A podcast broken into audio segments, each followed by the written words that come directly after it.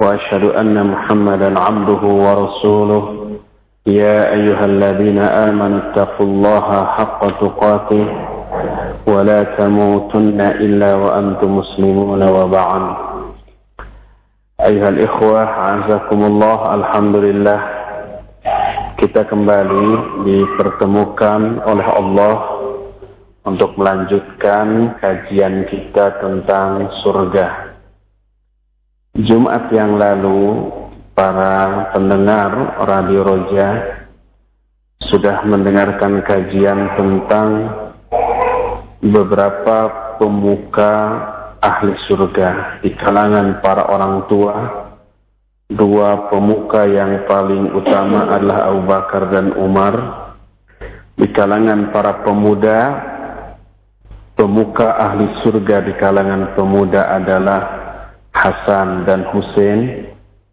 Adapun di kalangan para wanita ada empat, yaitu Khadijah, Fatimah, Maryam, dan Asia, istrinya Fir'aun. Dalil-dalil baik Al-Quran ataupun hadis tentang masalah itu sudah dijelaskan. Termasuk juga sepuluh orang yang diberi kabar gembira dengan surga.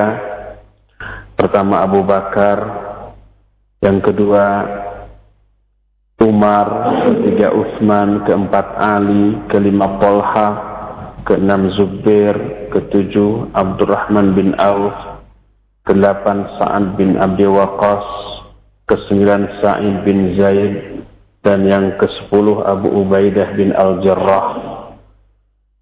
Dalil tentang hal itu pun sudah kita jelaskan. Selain yang disebutkan tadi, ada beberapa orang sahabat yang sudah dinyatakan oleh Rasul Shallallahu Alaihi Wasallam sebagai ahli surga. Kita wajib meyakini hal ini karena hal ini merupakan hal yang gaib tapi yang gaib ini dikabarkan melalui wahyu yang sahih, yaitu Rasul Shallallahu Alaihi Wasallam dalam hadisnya yang sahih. Di antara para sahabat yang sudah ditetapkan sebagai ahli surga, selain yang disebutkan tadi adalah Ja'far bin Abi Talib dan Hamzah bin Abdul Muttalib sebuah hadis yang diriwayatkan oleh Imam At-Tirmidzi dalam kitab Sunannya.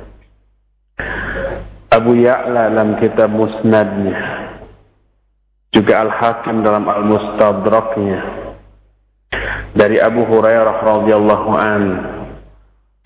Rasul sallallahu alaihi wasallam bersabda, "Ra'aitu Ja'far ibn Abi Talib yatiru ma'a malikin yatiru fil jannah bi janahaihi Aku melihat Ja'far bin Abi Talib Ja'far ini saudaranya Ali bin Abi Talib Dia terbang beserta malaikat di surga dengan kedua sayapnya. Hadis itu bisa kita temukan dalam kitab Sahih Al-Jami'us Saghir juga dalam hadis riwayat Imam At-Tabrani, Ibnu Adi dan Al-Hakim dari Ibnu Abbas radhiyallahu anhuma. Rasul sallallahu alaihi bersabda, "Dakhaltul jannatal barihah." Fanadhartu fiha fa idza Ja'far yatiru ma'al malaika wa idza Hamzah muttaki'un 'ala sarir. Tadi malam aku masuk surga. Ini dalam reng-rengan hadis tentang Isra Mi'raj. Ketika Mi'raj Nabi Shallallahu Alaihi Wasallam oleh Allah diberi keistimewaan melongok ke surga, melongok ke neraka. Aku melihat surga. Tiba-tiba aku di dalamnya melihat ada Ja'far bin Abi Thalib terbang beserta para malaikat dan ada Hamzah yang sedang bersandar di atas se se sebuah kasur. Sanad hadis ini sahih. Dalam Sahih Al-Jami' Saghir juga Rasul sallallahu alaihi wasallam bersabda Sayyidus Syuhada Hamzah bin Abi Abdul Muttalib. Pemuka atau pemimpin para syuhada adalah Hamzah bin Abdul Muttalib. Kita tahu Hamzah mati sebagai syahid pada waktu perang Uhud. Dia ditombak oleh penembak bayaran, bukan penembak dengan senapan, tapi penembak dengan tombak yang namanya Wahsy, seorang hamba sahaya yang ditugaskan khusus oleh Hindun, istrinya Abu Sofyan yang saat itu belum masuk Islam, kata Wahsy, kalau aku sudah membidik dengan tombakku, aku tidak pernah meleset. Jadi dia mengincar Hamzah, kemudian ditombak dari jauh, kemudian tertembus jantungnya dan meninggal sebagai syahid. Tapi kemudian Wahsy ini masuk Islam dan di kemudian hari membunuh nabi palsu yang namanya Musailamah Al-Kadzab sehingga Wahsy berkomentar tentang pengalaman dirinya. Dia mengatakan dulu aku telah membunuh sebaik-baik manusia. Yaitu Hamzah dan sekarang aku telah membunuh seburuk-buruk manusia yaitu Musailamah Al-Kadzab. Nah Hamzah bin Abdul Muttalib radhiyallahu anhu oleh Nabi sallallahu alaihi wasallam disebut dengan Sayyidus Syuhada, pemuka para syuhada di surga nanti. Itulah dalil-dalil dari hadis tentang Ja'far bin Abi Thalib dan Hamzah bin Abdul Muttalib. Selain kedua orang sahabat tadi ada sahabat lain namanya Abdullah bin Salam yang oleh Nabi Shallallahu Alaihi Wasallam juga disebut sebagai ahli surga. Dalam hadis yang diriwayat Imam Ahmad, Imam Al-Tabrani, juga Imam Al-Hakim dengan sanad yang sahih diterima dari Mu'ad bin Jabal radhiyallahu an, Rasul sallallahu alaihi wasallam bersabda, Abdullah ibn Salam ashiru ashratin fil jannah. Abdullah bin Salam adalah orang yang ke-10 dari 10 orang yang dijamin masuk surga. Selain Abdullah bin Salam ada lagi sahabat lain namanya Zaid bin Harithah radhiyallahu an. Sebagaimana diriwayatkan dari Buraidah bahwa Nabi alaihi salatu wasallam bersabda dakhaltu jannah fastaqbalatni jariyatun syabah. Faqul liman anti? Qalat li Zaid bin Harithah. Aku masuk surga kata Rasul sallallahu alaihi wasallam ketika Mi'raj. Aku dijemput oleh seorang jariyah syabah seorang wanita muda bidadari surga. Aku bertanya kepada kepada orang itu, "Liman anti? Milik siapa engkau?" Dia menjawab, "Aku adalah milik Zaid bin Harithah." Zaidnya masih hidup di di dunia. Tapi dia sudah disediakan seorang bidadari di surga dan dialah yang menjemput Rasul sallallahu alaihi wasallam ketika Mi'raj dan masuk ke dalam surga. Dan ini menunjukkan Zaid bin Harithah radhiyallahu an orang yang dinas ditetapkan berdasarkan nas atau teks ini bahwa beliau akan menjadi ahli surga. Selain Zaid bin Harithah ada lagi Zaid bin Amr bin Nufail. Sebagaimana dijelaskan dalam hadis yang riwayatkan oleh Imam Ibnu Asakir dengan sanad yang hasan. Dari Aisyah radhiyallahu anha berkata Aisyah Rasul sallallahu alaihi wasallam bersabda dakhaltul jannah faraitu li Zaid bin Amr bin Nufail darajatain. Aku masuk surga maka aku melihat bahwa Zaid bin Amr bin Nufail memiliki dua derajat di surga. Kita tahu Zaid ini orang yang ketika zaman jahiliyah dia masuk Islam, kemudian menyeru manusia kepada tauhid dan karena itulah dia dipukuli sampai babak belur. Dan dia berlaku atau bersikap begitu berkali-kali dan Nabi SAW melihat ada dua derajat di surga bagi Zaid bin Amr bin Nufel ini. Selain itu ada Harithah bin Nu'man. Dari Aisyah radhiyallahu anha, Rasul alaihi salatu wasallam bersabda, "Dakhaltul jannah fasami'tu fiha qira'ah. Faqultu man hadha? Qalu Harithah bin Nu'man." Aku masuk surga. Maka aku tiba-tiba mendengar ada suara bacaan di dalam surga ini. Aku bertanya, bacaan siapa ini? Para malaikat menjawab itu bacaan Harithah bin Nu'man. Selain itu ada lagi sahabat lain yang terkenal dengan ketangguhannya mempertahankan tauhid di tengah deraan siksa para tuannya.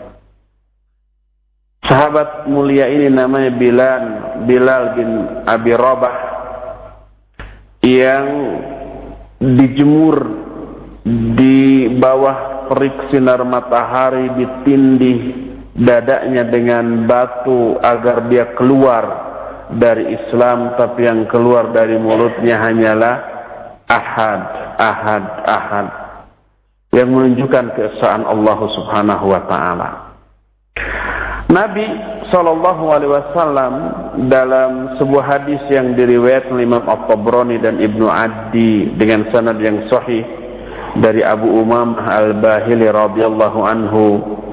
Nabi bersabda dakhaltul jannah fasami'tu khasfata baina yadayya faqultu ma hadhihi al-khashfa ma hadhihi al-khashfa qila hadha bila yamshi amamak aku masuk surga tiba-tiba aku mendengar suara langkah-langkah kaki di depanku Aku bertanya, langkah kaki siapakah ini?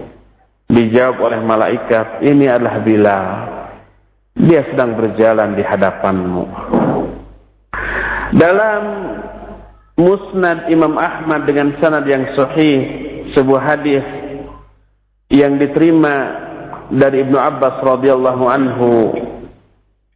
Nabi bersabda dakhaltul jannata lailatan usriya bi fasami'tu min janibiha wajsan faqult ya Jibril ma hadha? Qala Bilalul muadzin. Aku masuk surga pada malam ketika aku diisrokan. Tiba-tiba di samping surga itu aku melihat aku mendengar ada langkah-langkah kaki aku bertanya wahai Jibril langkah kaki siapa ini Dijawab oleh Jibril, itu Bilal sang muadzin. Selain Bilal, sahabat lain namanya Abu Dahdah. Ketika Abu Dahdah ini dikuburkan, Nabi Shallallahu Alaihi Wasallam menyuruh para sahabat untuk meluaskan lubang di dekat kedua kaki Abu Dahdah ini. Dia mati dan dikuburkan oleh Nabi dan para sahabatnya. Kata Nabi SAW luaskan. Para sahabat bertanya kenapa? Beliau menjawab, Kam min idqin mu'allakin li ibni dahdah fil jannah. Karena betapa banyaknya buah-buahan yang akan digantungkan bagi Ibnu Dahdah di surga nanti. Hadis ini sahih riwayat Imam Muslim dalam kitab sahihnya Abu Dawud, At-Tirmidzi dan Imam Ahmad diterima dari Jabir bin Samurah radhiyallahu anhu. Timbul pertanyaan siapa Abu Dahdah? Abu Dahdah adalah seorang yang mensodakohkan kebunnya yang dianggap sebagai kebun terbaik semadinah. Lalu ketika turun Al-Quran surah Al-Baqarah 254 yang menyatakan Man dalladhi yukridullaha qardan hasanan fayudha'ifahu lahu Siapa orang yang memberikan pinjaman yang baik kepada Allah maka Allah akan lipat gandakan balasannya yang dimaksud memberikan pinjaman yang baik kepada Allah itu adalah menyedekahkan sesuatu untuk kepentingan di jalan Allah. Baik itu berupa kuda, sebab Nabi SAW bersabda, orang yang menginfakkan kudanya di jalan Allah disebutkan oleh Allah Subhanahu wa taala kalbasiti yadahu la yaqbiduha. Itu seperti orang yang membuka mengulurkan tangannya terus menerus dan tidak pernah menariknya, tidak pernah ngepel kata orang Sunda, tidak pernah mengepal. Artinya ia infak terus tanpa henti. Seperti itu orang yang menginfakkan kudanya untuk kepentingan di jalan Allah, untuk jihad. Siapa pun yang makai mujahid yang menggunakan memanfaatkan kuda ini terus silakan. Itu seperti orang yang infak terus terus terus tanpa henti. Jadi jariah dia. Orang yang sudah mati kudanya masih dipakai maka pahalanya mengalir terus seperti wakaf untuk masjid, untuk madrasah, untuk pesantren, seperti juga umpamanya nih kendaraan saya nih pakai untuk di jalan Allah Ini umpamanya apa saja benda yang bisa terus menerus dipakai di jalan Allah itu akan terus mengalir pahalanya. Abu Dahdah itu kayak begitu. Mendengar ayat ini Abu Dahdah menginfakkan kebunnya ini kebunnya silakan hasilnya ambil untuk kepentingan di jalan Allah. Lalu Nabi SAW menyatakan betapa banyak buah-buahan di surga yang disediakan untuk Abu Dahdah ini yang menunjukkan beliau ini akan menjadi ahli surga. Di antara salah seorang yang juga dianggap sahabat, mati sebagai seorang muslim dan dijamin sebagai ahli surga, sekalipun tidak banyak bergaul dengan Rasul SAW dan menimba ilmu dari beliau, karena ketuaan beliau, selain tua buta lagi. Tadinya dia seorang pendeta Nasrani yang tukang menuliskan Injil ke bahasa Arab. Tapi ketika Nabi SAW diangkat menjadi Nabi, Nauf, Warakah bin Naufal namanya, menyatakan keislamannya. Sampai beliau Warakah itu menyatakan seandainya aku masih hidup ketika engkau diusir oleh kaummu, pasti aku akan menjadi penolongmu. Walaupun itu tidak kesampaian karena sebelum Nabi SAW kejadian diusir Warakah bin Naufal ini sudah meninggal. Kata Nabi SAW dalam hadis yang diriwayatkan Imam Al-Hakim dengan sanad yang sahih dari Aisyah radhiyallahu anha. Rasul SAW bersabda, "La tasubbu Warakah ibn Naufal, fa inni qad ra'aitu lahu jannah au jannatain. Jangan kalian mencela Warakah bin Naufal karena sungguhnya aku melihat dia memiliki satu atau dua surga. Sebab seseorang tidak hanya memiliki satu surga tapi mungkin memiliki dua surga.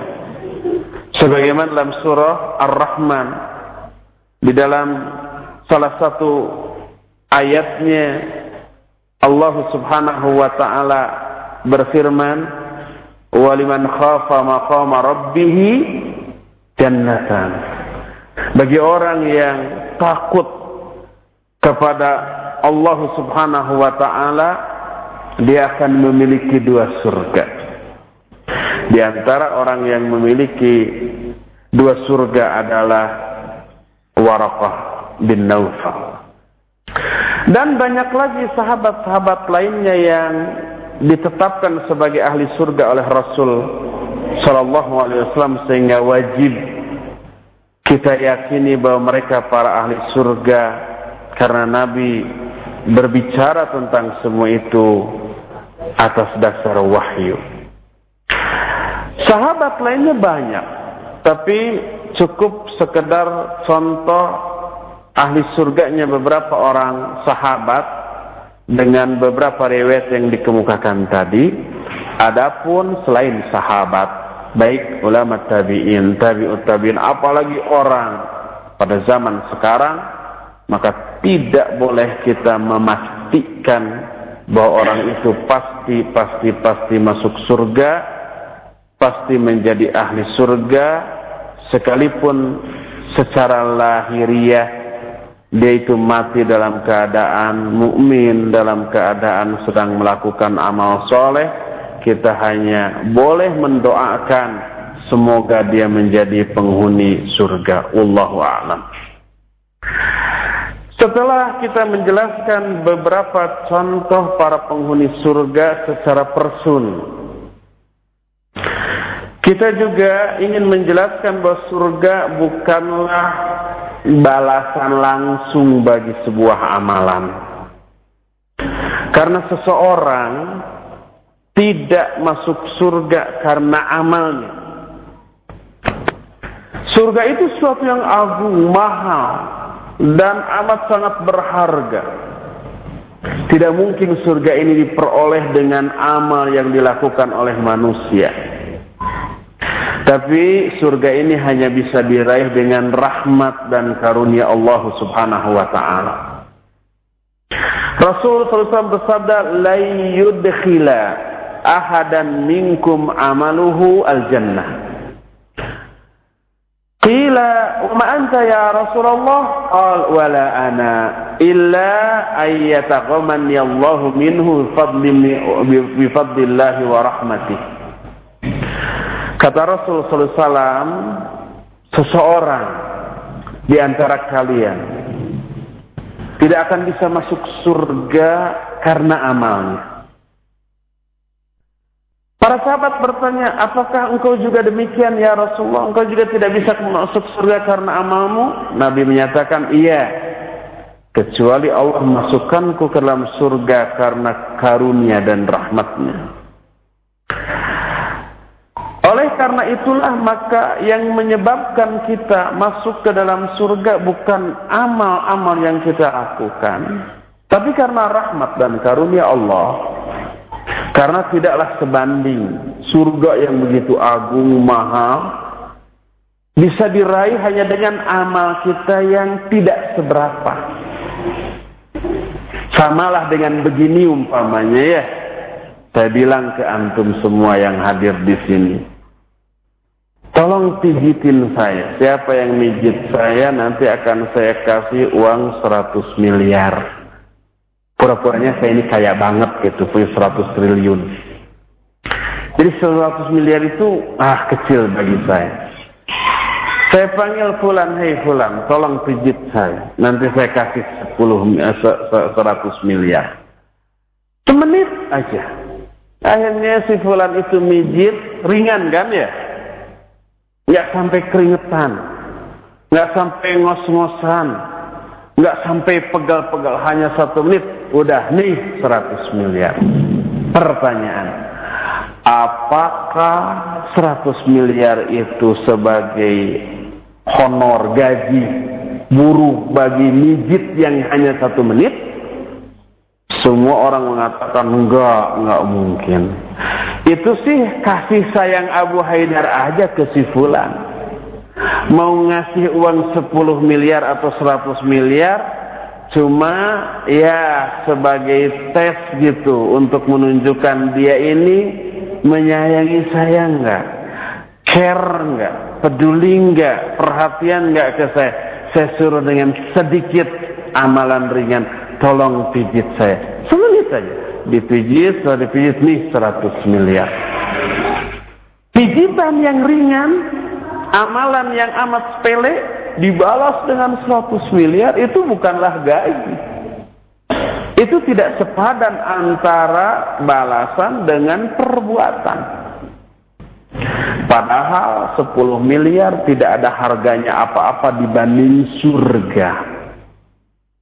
Oleh karena itulah maka surga yang begitu agung, begitu tinggi, begitu mahal, begitu indah, itu tidak layak dijadikan balasan bagi amal sehebat apa pun amal itu.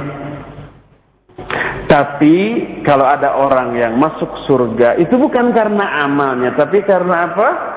Karena rahmat Allah kepada orang tersebut. Oleh karena itu surga bukanlah sebagai balasan bagi amalan.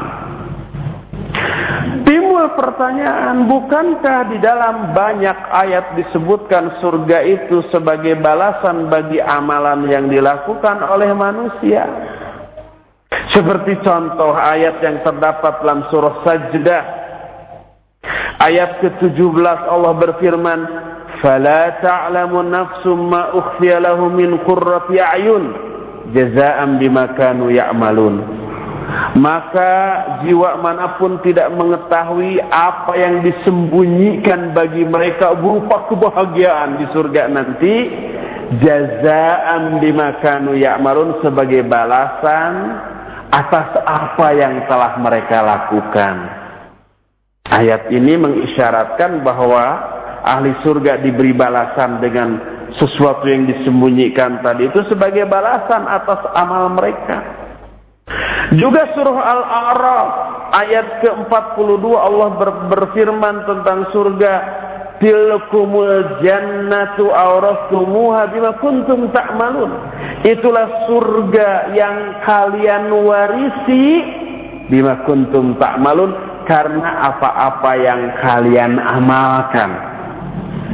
Karena kalian beramal dengan amalan soleh kalian mewarisi surga dan banyak ayat yang senada dengan itu jazaan dimakan malu sebagai balasan dari apa yang kamu lakukan. Bukankah ayat ini mengisyaratkan bahwa surga merupakan balasan bagi amal? Tapi kenapa Nabi SAW menyatakan seseorang masuk surga bukan karena amalnya? Maka sepintas seperti tanakum ta'arud, bertolak belakang, kontradiktif dua keterangan ini. Padahal sebenarnya tidak.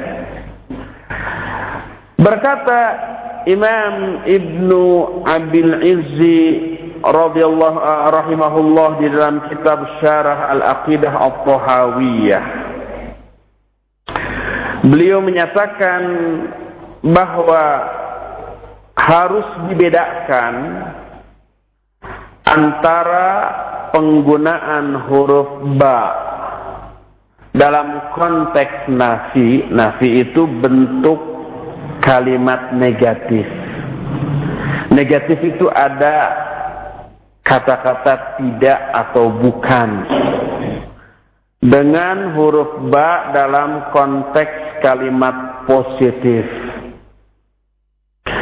Adapun hadis yang menyatakan la yadkhulal jannata ahadun bi amalihi tidak akan masuk ke dalam surga seseorang pun karena amalnya di di sini dalam konteks nafi. Nafi itu kalimat negatif.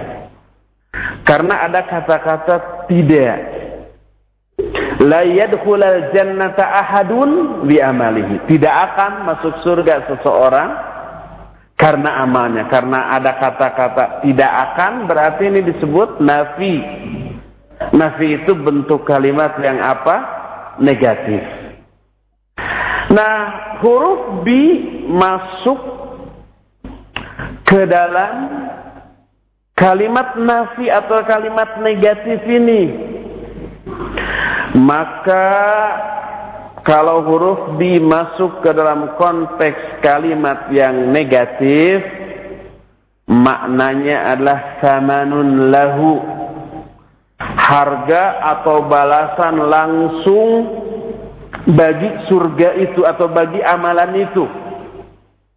Sehingga makna hadis ini la yadkhulul jannata ahadun bi amalihi maknanya tidak akan masuk surga seseorang sedang surga itu dianggap sebagai balasan bagi amalnya. Enggak. Tidak akan seperti itu. Jadi huruf bi di sana maknanya adalah langsung sebagai balasan bagi surga, eh, balasan bagi amalan. Apa pun kalau huruf bi masuk ke dalam konteks kalimat positif, maka huruf bi di sana disebut bi sababiyah. Bi sababiyah itu maknanya menjadi sebab, sebagaimana Allah berfirman jazaa'an bima kanu ya'malun. Surga itu sebagai balasan bi ada di bima kanu ya'malun. Bi di sini maknanya sebab. Sebab apa yang kalian amalkan. Amalan hanya menjadi sebab.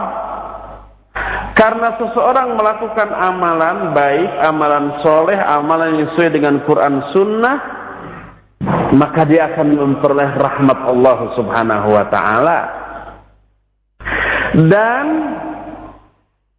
setelah dia memperoleh rahmat dari Allah Subhanahu wa taala, uh, efek dari rahmat luar biasa. Salah satunya adalah masuk surga. Masya Allah, rahmat yang dijelaskan oleh Allah dalam Al-Quran memiliki manfaat yang banyak.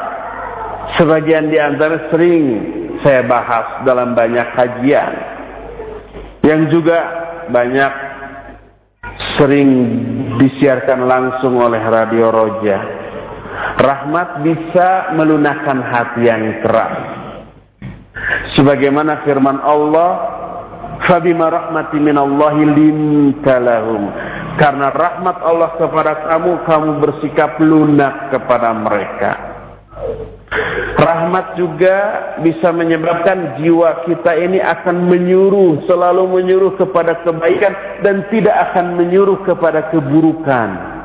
Berdasarkan firman Allah, Inna nafsa la ammaratun bisu illa man rahimah rabbi. Sesungguhnya jiwa selalu memerintahkan kepada keburukan illa man rahimah rabbi kecuali orang yang dirahmati oleh Allah. Rahmat yang Allah berikan menyebabkan orang itu jiwanya tidak akan dibisiki untuk melakukan keburukan-keburukan tapi kebaikan. Wala yazaluna mukhtalifina illa man rahimah rabbuk. Manusia itu selalu ikhtilaf kecuali orang-orang yang dirahmati oleh Allah. Rahmat bisa menyebabkan orang tidak akan ikhtilaf. Dan banyak lagi. Banyak lagi insya Allah. Mohon doanya ya.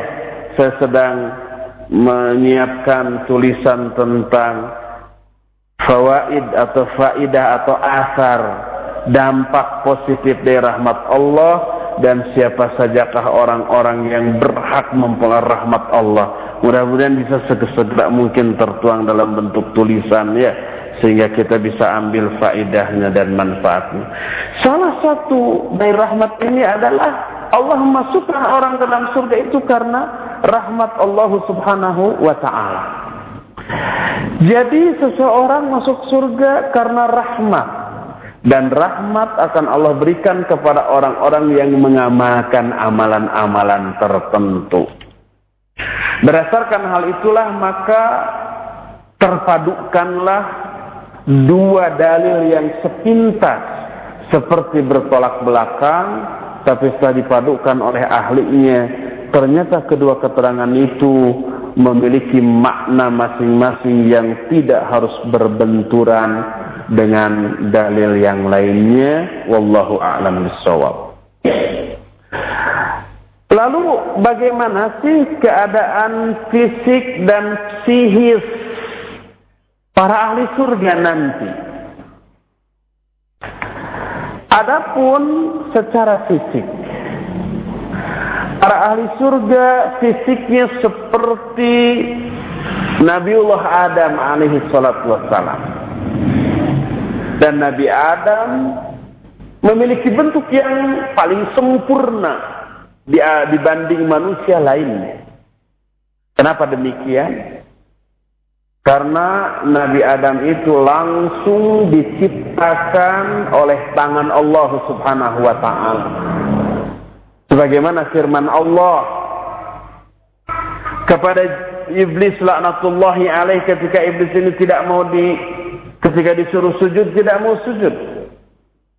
Kata Allah ma mana'aka alla tasjuda apa yang menghalangi untuk tidak sujud kepada apa-apa yang khalaqtu biyadayya Aku telah menciptakannya dengan kedua tanganku. Maksudnya kepada Adam alaihi salatu wassalam. Karena Adam diciptakan langsung oleh tangan Allah, maka pasti sempurna. Sebaik-baik bentuk dibanding, dibanding manusia yang lainnya. Tinggi Nabiullah Adam alaihi salatu wassalam setinggi 60 hasta. Satu hasta itu hampir setengah meter. Kira-kira 46 cm gitulah. Jadi hampir 30 meter tingginya Nabi Adam alaihissalatu wassalam. Dan bentuknya sebaik-baik bentuk karena langsung diciptakan oleh Allah. Seluruh orang yang masuk surga bentuknya seperti bentuk Nabi Ibrahim dan tingginya secara vertikal juga setinggi itu. Dalam hadis yang sahih riwayat Imam Muslim dari Abu Hurairah radhiyallahu an Rasul SAW bersabda khalaqallahu azza wa jalla Adam ala suratihi tuluhu sittuna dira'a fakullu man yadkhulul jannata ala surati Adam wa tuluhu sittuna dira'a falam yazal al-khalqu yanqusu ba'dahu. Kata Nabi sallallahu alaihi wasallam Allah menciptakan Nabi Adam dalam bentuknya yang asli. Tingginya 60 hasta. Dan semua orang yang masuk ke dalam surga dalam bentuk seperti Nabi Adam dan tingginya pun 60 hasta maka manusia setelah itu selalu berkurang dan berkurang terus. Sehingga kalau pada zaman Nabi Adam hampir 30 meter tingginya, pada zaman kita sekarang 3 meter aja nggak ada ya. 2 meter aja untuk di Indonesia jarang. Pintu rumah aja rata-rata kebanyakan untuk kelas menengah ke bawah 180 meter lah gitu ya. Sehingga kalau ada orang bule atau orang Arab bertamu ke Indonesia harus nunduk pas masuk pintunya tuh. Walaupun banyak juga yang tingginya 2 meter atau lebih dari lubang pintu yang dimiliki manusia. Bayangkan kalau umpamanya zaman di zaman Nabiullah Adam manusia pada zaman itu setinggi hampir 30 meter. Nah seperti itu juga ukuran para ahli surga di akhirat nanti. Selain bentuk fisiknya sempurna, kondisi batin atau jiwa para ahli surga juga begitu suci, begitu bersih. Tidak ada rasa dengki, tidak ada rasa benci, tidak ada rasa cemburu, tidak ada keburukan-keburukan perasaan seperti yang banyak dimiliki orang pada waktu hidup di dunia. Nabi Shallallahu Alaihi Wasallam dalam hadis Sahih riwayat Imam Muslim dari Abu Hurairah radhiyallahu an menyatakan bahwa orang yang pertama kali masuk surga wajah mereka itu bercahaya seperti bulan pada malam purnama akhlaquhum ala khuluqi rajulin wahid ala surati abihim Adam situna dira'a fis sama akhlak bentuk tubuh mereka itu sama dalam bentuk seperti bentuk bapak-bapak mereka yaitu Adam yaitu tingginya secara vertikal mencapai 60 hasta. Dalam hadis lain yang diriwayatkan dari Abu Hurairah radhiyallahu anhu dalam Sahih Bukhari dan Sahih Muslim disebutkan bahwa para ahli surga la yabsukun wa la yamtakhitun wa la yataghawwatun para ahli surga mereka itu tidaklah meludah. Tidak juga kata orang Sunda mah penyingsring. Nyingsring itu kalau kita lagi flu, di dalam hidung kita ada ingus. Lalu kita nyingsring, dibuang ingus itu. Apa bahasa Indonesia nyingsring? Tidak ada ya? Tidak pernah nyingsring karena tidak beringus. Walayatagawatun. Mereka juga tidak BAB, tidak BAK, tidak BA, tidak buang air besar, tidak buang air kecil, juga tidak buang angin. Mereka juga tidak ngantuk dan tidak juga tidur. Karena apa? Rasulullah SAW bersabda, "An-naumu akhul maut, wa la yanamu ahlul jannah." Kata Rasulullah SAW, tidur itu saudaranya mati. Maka para ahli surga tidak tidur. Walaupun tidak tidur, tidak ngantuk. Dan tidak lelah, tidak capek seperti halnya di dunia. Di dunia saja orang tidak tidur semalam. Besoknya amruk, sakit. Orang yang susah tidur berarti orang itu punya penyakit. Disebutnya insomnia dia harus ke dokter itu.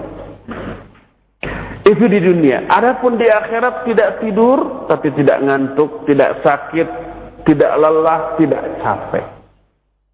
Bukankah tidur merupakan kenikmatan? Lalu kenapa ahli surga tidak tidur? Kita jawab, tidur itu nikmat kalau dalam keadaan lelah dan ngantuk. Tapi tidur sebuah kerugian besar. Bila kita harusnya pada waktu saat bersenang-senang, mereguk kenikmatan, terus tiba-tiba datang kantuk lalu tidur, itu kerugian yang besar. Karena itulah maka ahli surga kenapa tidak tidur? Pertama tidak lelah, tidak ngantuk, tidak penat sehingga tidak membutuhkan tidur. Kedua, ahli surga kerjanya hanya senang-senang, bergembira ria, berbahagia. Sehingga kalau saatnya harus benar bersenang-senang, bersendaguro, bergembira ria, berbahagia, lalu tertidur, itu tidur merupakan sebuah kerugian. Coba umpamanya anak kecil.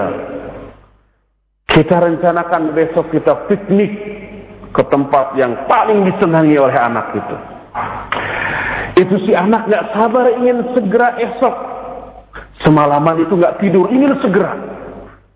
Pas menjelang subuh baru tidur terlelap. Besoknya saatnya orang tuanya harus pergi melihat anaknya masih terlelap dan kelihatannya nyenyak. Tidak tega membangunkannya. Jangan dibangunkan. Biar kita tinggalin aja. Ditinggalin. Pasti anak bangun, semua nggak ada. Oh ingat sekarang saatnya piknik. Saat-saat yang sejak kemarin ditunggu-tunggu. Tapi dia tidak terajak karena tertidur. Apa yang terjadi? Dia kecewa. Dia sedih. Kenapa sedih dan kecewa? Bukankah dia itu tadi nikmat tidur? Iya, tapi tidur pada saat harusnya bersenang-senang merupakan sebuah kerugian besar. Di surga tidak ada hal lain kecuali bersenang-senang, bergembira ria, berbahagia. Dan ketika saat harus bersenang-senang ternyata kita tertidur, maka itu sebuah kerugian besar. Oleh karena itulah, maka para ahli surga tidak ngantuk, tidak lelah, tidak penat, makanya mereka tidak tidur dan tidak tidurnya tidak menimbulkan kelelahan, kebosanan, kepenatan, tapi mereka menghabiskan seluruh waktunya di surga hanya untuk bersenang-senang dan, dan bergembira ria. Itulah keadaan fisik dan psikis manusia di alam surga nanti. Insya Allah pada bab berikutnya akan kita jelaskan perbandingan antara kenikmatan surga dengan kesenangan dunia. Penjelasan ini cukup panjang sehingga tidak bisa untuk kita terangkan pada saat sekarang. Untuk sore ini cukup sampai di sini. Insya Allah akan kita lanjutkan Jumat yang akan datang. Sekarang kita akan masuk sesi tanya jawab. Dan untuk hari Jumat ini kita prioritaskan untuk bertanya jawab bagi para pendengar Radio Roja yang saat ini juga ikut mendengarkan untuk jamaah Masjid Al-Furqan. Masih ada kesempatan besok dan lusa ya insya Allah. Silakan akhi Tawas untuk memandu tanya jawab dengan pendengar. Wallahu a'lam. Baik ikhwat Islam azani Allah yakum mendengar radio Roja yang dirahmati Allah Subhanahu wa taala demikianlah sesi materi yang disampaikan oleh Ustaz Abu Haidar As-Sundawi hafizallahu dan selanjutnya kami beri kesempatan bagi Anda yang ingin bertanya langsung kepada Ustaz, silahkan Anda bisa menghubungi kami di 0218236543. Dan untuk penelpon pertama kita angkat. Ya, halo. Assalamualaikum. Waalaikumsalam warahmatullahi wabarakatuh. Dengan ya. siapa dari mana? Ya, uh, dari Umu Siti. Ya, silakan. Jakarta Ustaz. Uh, Barakallahu fiik. Uh, seperti yang pernah saya dengar dari kajian Ustaz uh, bahwa salah satu ciri uh, meninggalnya uh, kebaikan ya uh, yaitu keluarnya keringat di kening ya. Kemudian yang saya tanyakan juga itu Ustaz eh, penyakit-penyakit yang uh, yang disebutkan Ustaz yang lalu itu adalah suatu uh, yang tergolong dalam mati syahid gitu. Mohon penjelasan kembali Ustaz. Syukran jazakallah khair. Assalamualaikum warahmatullahi wabarakatuh. Waalaikumsalam warahmatullahi wabarakatuh. Silakan. Iya, dari Ummu Siti di Jakarta bertanya, tadi dijelaskan bahwa kita tidak boleh mentayin. Mentayin itu memastikan bahwa seseorang itu ahli surga atau ahli neraka sekalipun pada lahiriahnya orang itu mati dalam ke, dalam kebaikan umpamanya ya. Tapi kita tidak boleh mentayin, kita hanya berharap mudah-mudahan dia ahli surga. Lalu bagaimana dengan keterangan tentang 18 tanda-tanda husnul khotimah? Di antaranya kalau ada orang meninggal dengan bercucuran keringat, itu tandanya husnul khotimah. Karena Nabi SAW bersabda, mautul mu'min birashil jadin. Kematian seorang mukmin itu dengan berkeringat pada dahinya. Kemudian ada juga keterangan bahwa orang yang mati terbunuh di jalan Allah itu syahid. Mereka tidak mati tapi tetap hidup di sisi Allah. Kemudian juga ada keterangan orang yang mati karena tenggelam, mati karena terbakar, mati karena penyakit paru-paru, mati karena kanker, mati karena sakit perut, mati karena kena reruntuhan, mati karena nifas atau karena melahirkan, termasuk juga mati ketika hamil atau juga mati pada malam Jumat atau hari Jumat. Itu semua berdasarkan keterangan hadis yang sahih, semua itu syahid. Apakah kalau ada orang yang matinya seperti itu, kita tetap tidak boleh mentakyin, memastikan dia ahli surga, kita jawab ya. Kita tetap hanya berharap mendoakan semoga dia ahli surga. Kenapa? Karena kita tidak tahu batin orang itu. Kita melihat umpamanya ada keterangan dalam beberapa hadis yang sahih tentang seorang yang mati di medan perang. Terbunuh ketika perang. Para sahabat semuanya menyatakan dia ahli surga. Tapi Rasul SAW menyatakan dia ahli neraka. Karena apa? Karena Nabi uh, Nabi SAW mengetahui itu melalui wahyu sehingga mengetahui aspek batin yang tidak diketahui oleh para sahabat sedangkan para sahabat hanya melihat aspek lahir semata-mata kita juga pernah mendengar hadis sahih riwayat Imam Muslim dari Abu Hurairah radhiyallahu an tentang tiga golongan manusia yang karena tiga orang inilah api neraka pertama kali dinyalakan Tiga orang manusia ini pertama orang yang mati terbunuh di jalan Allah gitu ya. Lahiriahnya begitu. Kedua orang yang berilmu dan mengamalkan ilmunya siang malam. Lahiriahnya bagus. Ketiga seorang hartawan yang dermawan menghabiskan semua hartanya untuk infak di jalan Allah dan menolong sesama manusia. Lahiriahnya bagus dan mati dalam keadaan demikian. Tapi ya ternyata tiga golongan manusia ini dikatakan oleh Rasul SAW ahli neraka. Allah menyuruh agar orang itu diseret pada wajahnya dan lemparkan ke dalam api neraka. Karena apa? Karena aspek niat.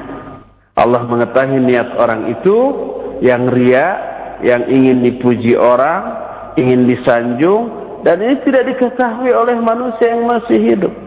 Manusia hanya melihat aspek lahiriahnya saja, batiniahnya tidak. Kita lihat ada seseorang sholat. Kelihatan khusyuk, lama, tertib gerakannya. Begitu kata orang Sunda, pikabital. Begitu membuat kita itu ingin seperti dia sholatnya. Apakah kita bisa memastikan pasti sholat orang itu diterima oleh Allah?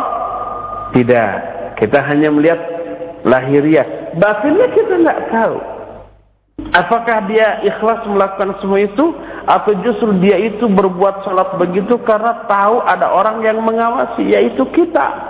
Mungkin di rumahnya ngebut dia empat rakaat cuma dua menit. Tapi ketika di masjid dua rakaat bisa delapan menit gitu ya. Kelihatan khusyuk, nangis, tertib, lama gitu ya batinnya kita tidak tahu. Sehingga Syekh Al-Utsaimin rahimahullah menyatakan di sebuah masjid ribuan orang sholat dipimpin satu imam rukunya sama sujudnya sama gerakannya sama bacaannya sama tapi pahala yang mereka peroleh dengan sholatnya yang sama itu jauh berbeda bagaikan bumi dengan langit ini dilihat dari salah satunya aspek kekhusyuan salah satunya aspek keikhlasan dan seterusnya dan seterusnya. Ini yang tidak diketahui oleh manusia.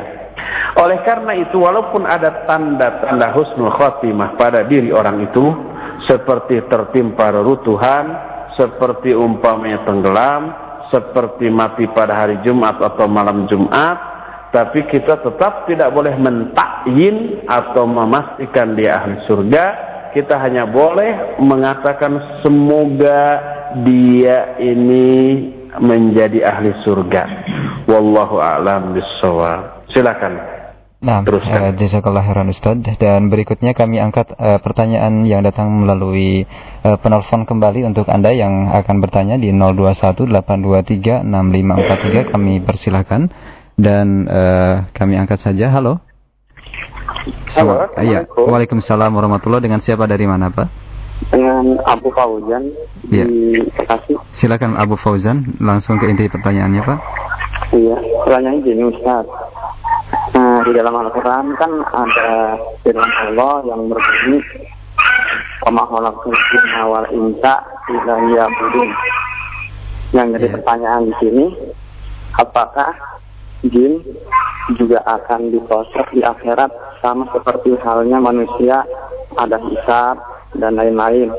Iya. Yang, yang kedua, apakah Taib. Uh, satu iya. pertanyaan yang dari Abu Fauzan tadi Ustaz mengenai iya. uh, Abu jin. Fauzan di Bekasi, ya Allah berfirman, "Wa ma khalaqtul jinna wal insa illa liya'budun." Tidaklah aku ciptakan jin dan manusia kecuali untuk beribadah kepadaku. Pertanyaannya, apakah jin juga diproses di akhirat seperti diprosesnya manusia? Jawabannya iya. Jin sama dengan manusia, diciptakan untuk ibadah kepada Allah Subhanahu wa taala. Oleh karena itu jin diberi beberapa perangkat yang sama dengan manusia dalam keterkaitan dengan ibadah. Oleh karena itu, jin bisa ruku, sujud, duduk seperti halnya manusia. Karena manusia harus sholat, sholatnya ada ruku, sujud, duduk, dan berdiri, dan manusia bisa melakukan itu, jin juga bisa seperti itu. Kalau manusia mengalami lapar dan butuh makan minum, jin juga begitu. Karena itulah jin juga wajib saum pada bulan Ramadan. Kalau manusia mengalami sakit, penat, capek, jin juga seperti itu. Kalau manusia mengalami mati, jin juga mengalami mati. Kalau manusia memiliki khauf atau takut, mahabbah atau cinta, roja, jin juga sama seperti itu. Oleh karena itulah, maka jin juga mati seperti halnya manusia. Dan jin juga akan mengalami alam kubur seperti halnya juga manusia. Jin juga akan mengalami proses seperti yang dialami oleh manusia di akhirat. Jin semua dikumpulkan di alam mahsyar. Jin juga diberikan catatan uh, amal. Jin juga ditimbang. Jin juga menyeberang sirat di atas neraka yang menuju surga dan jin juga ada yang ke surga ada juga yang ke neraka walhasil karena memiliki tugas yang sama dengan manusia maka mereka pun akan diproses dengan proses yang sama dengan manusia baik di alam kubur ataupun di alam akhirat sampai ke surga dan ke neraka. Wallahu a'lam bishawab.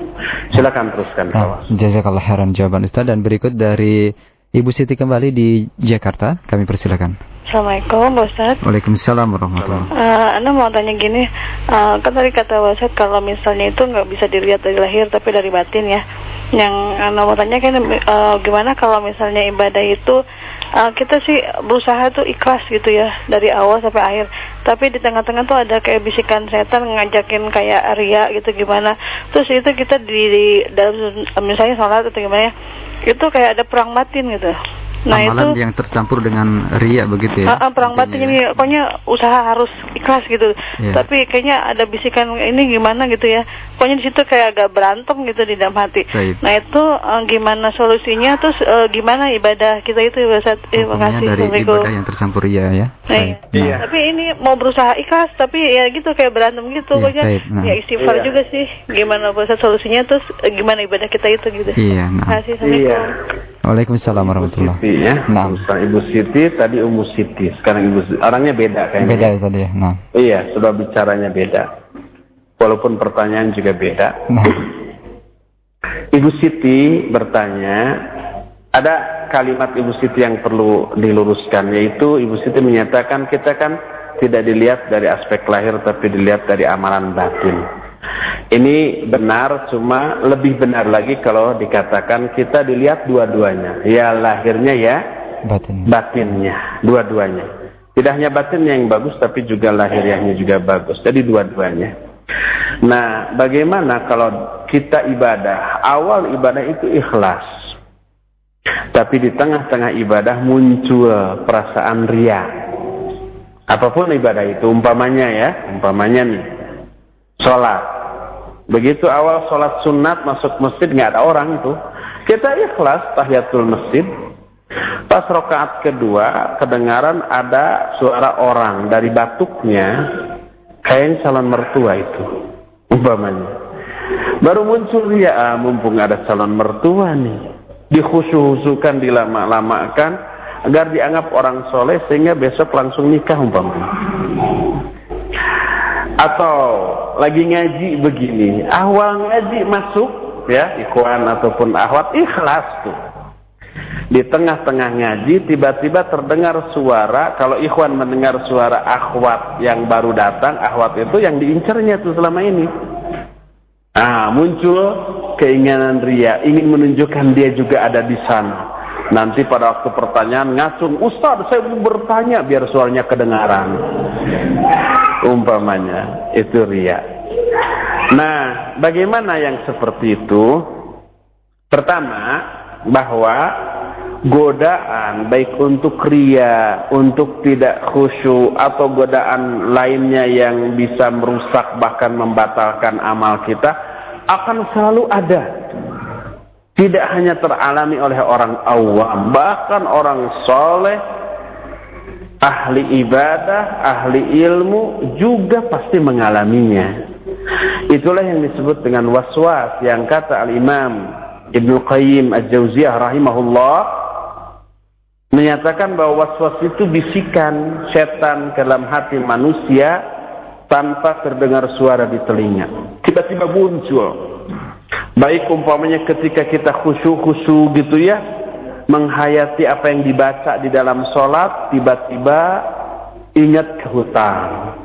Ingat ke urusan dunia yang lain. Itu was-was. Itu dibisikkan oleh setan muncul tiba-tiba dalam hati dan pikiran kita atau termasuk juga awalnya ikhlas dihembuskanlah ria atau yang semacam itu atau takabur atau umpamanya awalnya semangat gitu ya di tengah-tengah tiba-tiba muncul malas yang tadinya khusyuk yang tadinya rukuknya bagus sujudnya bagus rokaat kedua ah malas lagi jadi asal-asalan jadi dikebut itu semuanya godaan setan dan pasti teralami oleh setiap orang karena orang yang ahlu sunnah terutama tidak akan dibiarkan oleh setan beribadah secara khusyuk dan benar. Enggak. Pasti diganggu. Kalau enggak terganggu, gerakannya diganggu, batinnya biar tidak khusyuk, biar tidak ikhlas. Oleh karena itu ketika muncul godaan itu sampai di sana kita tidak berdosa dan tidak berpahala. Baru kita akan dilihat berdosa atau berpahala, dilihat dari sikap kita menanggapi bisikan tadi. Kalau kita turuti bisikan setan itu ya kita berdosa umpamanya ya umpamanya. Ketika awal sholat kita ini hus, uh, apa uh, ikhlas datang orang tiba-tiba ingin ria. Nah, lalu kita ikuti iya ya mumpung ada calon mertua akhirnya dikhusyuk-khusyukan sampai menangis sesegukan gitu ya acting gitu ya biar kedengaran sama calon mertua itu terus berlangsung sampai salam setelah salam nangis terus biar mertua menghampiri terus dibujuk ya udah udah besok nikah ya nah, umpamanya nah itu berarti kita mengikuti bisikan setan yaitu merusak amal kita bahkan menjadi dosa. Itu bukan lagi amal soleh. Allah berfirman fawailul musallin alladzina hum an salatihim walladzina hum yuraun yang ria juga. Itu wail hukumannya. Demikian juga ketidakkhusyuan awalnya kita khusyuk. Pas ruku kita ingat kepada yang lain. Terus diikuti Oh iya saya punya hutang ke si fulan fulan fulan berapa? Ke si fulan anu, ke si fulan Allahu Akbar. Oh ke si fulan dijumlahkan. Uh dari mana tuh sampai salam akhirnya itu hutang. Kita dosa. Tapi yang harus kita lakukan ini yang benar. Begitu muncul ria, cepat-cepat kita ingat ini setan. Ini akan merusak ibadah kita. Cepat-cepat balikan lagi kepada keikhlasan seperti semula saya punya ibadah karena Allah sebodoh amat deh ada calon mertua ada enggak. Jadi nikah atau enggak. Akhwat masih banyak sebodoh. Yang penting saya ikhlas karena Allah. Maka mau ada mertua kek, mau ada siapa kek. Tetap ibadah kita kayak begitu. Maka kembali lagi lah kita kepada keikhlasan. Maka kita berpahala dalam sholat kita. Karena sudah mampu menepis godaan setan di dalam sholat. Begitu juga ketika kita khusyuk, tiba-tiba muncul gangguan ingat kepada urusan dunia. Kita eling, kita ingat, wah ini godaan. Cepat-cepat lagi dikembalikan kepada penghayatan seperti semula, maka kita berpahala. Jadi begitu Ibu Siti yang harus kita lakukan, ya kembalikan lagi niat kita ke keikhlasan seperti semula ketika muncul hal seperti itu. Subhanakallahum bihamdik asyhadu an la ilaha illa anta astaghfiruka wa atubu ilaik walhamdulillahi rabbil alamin. Wassalamualaikum warahmatullahi wabarakatuh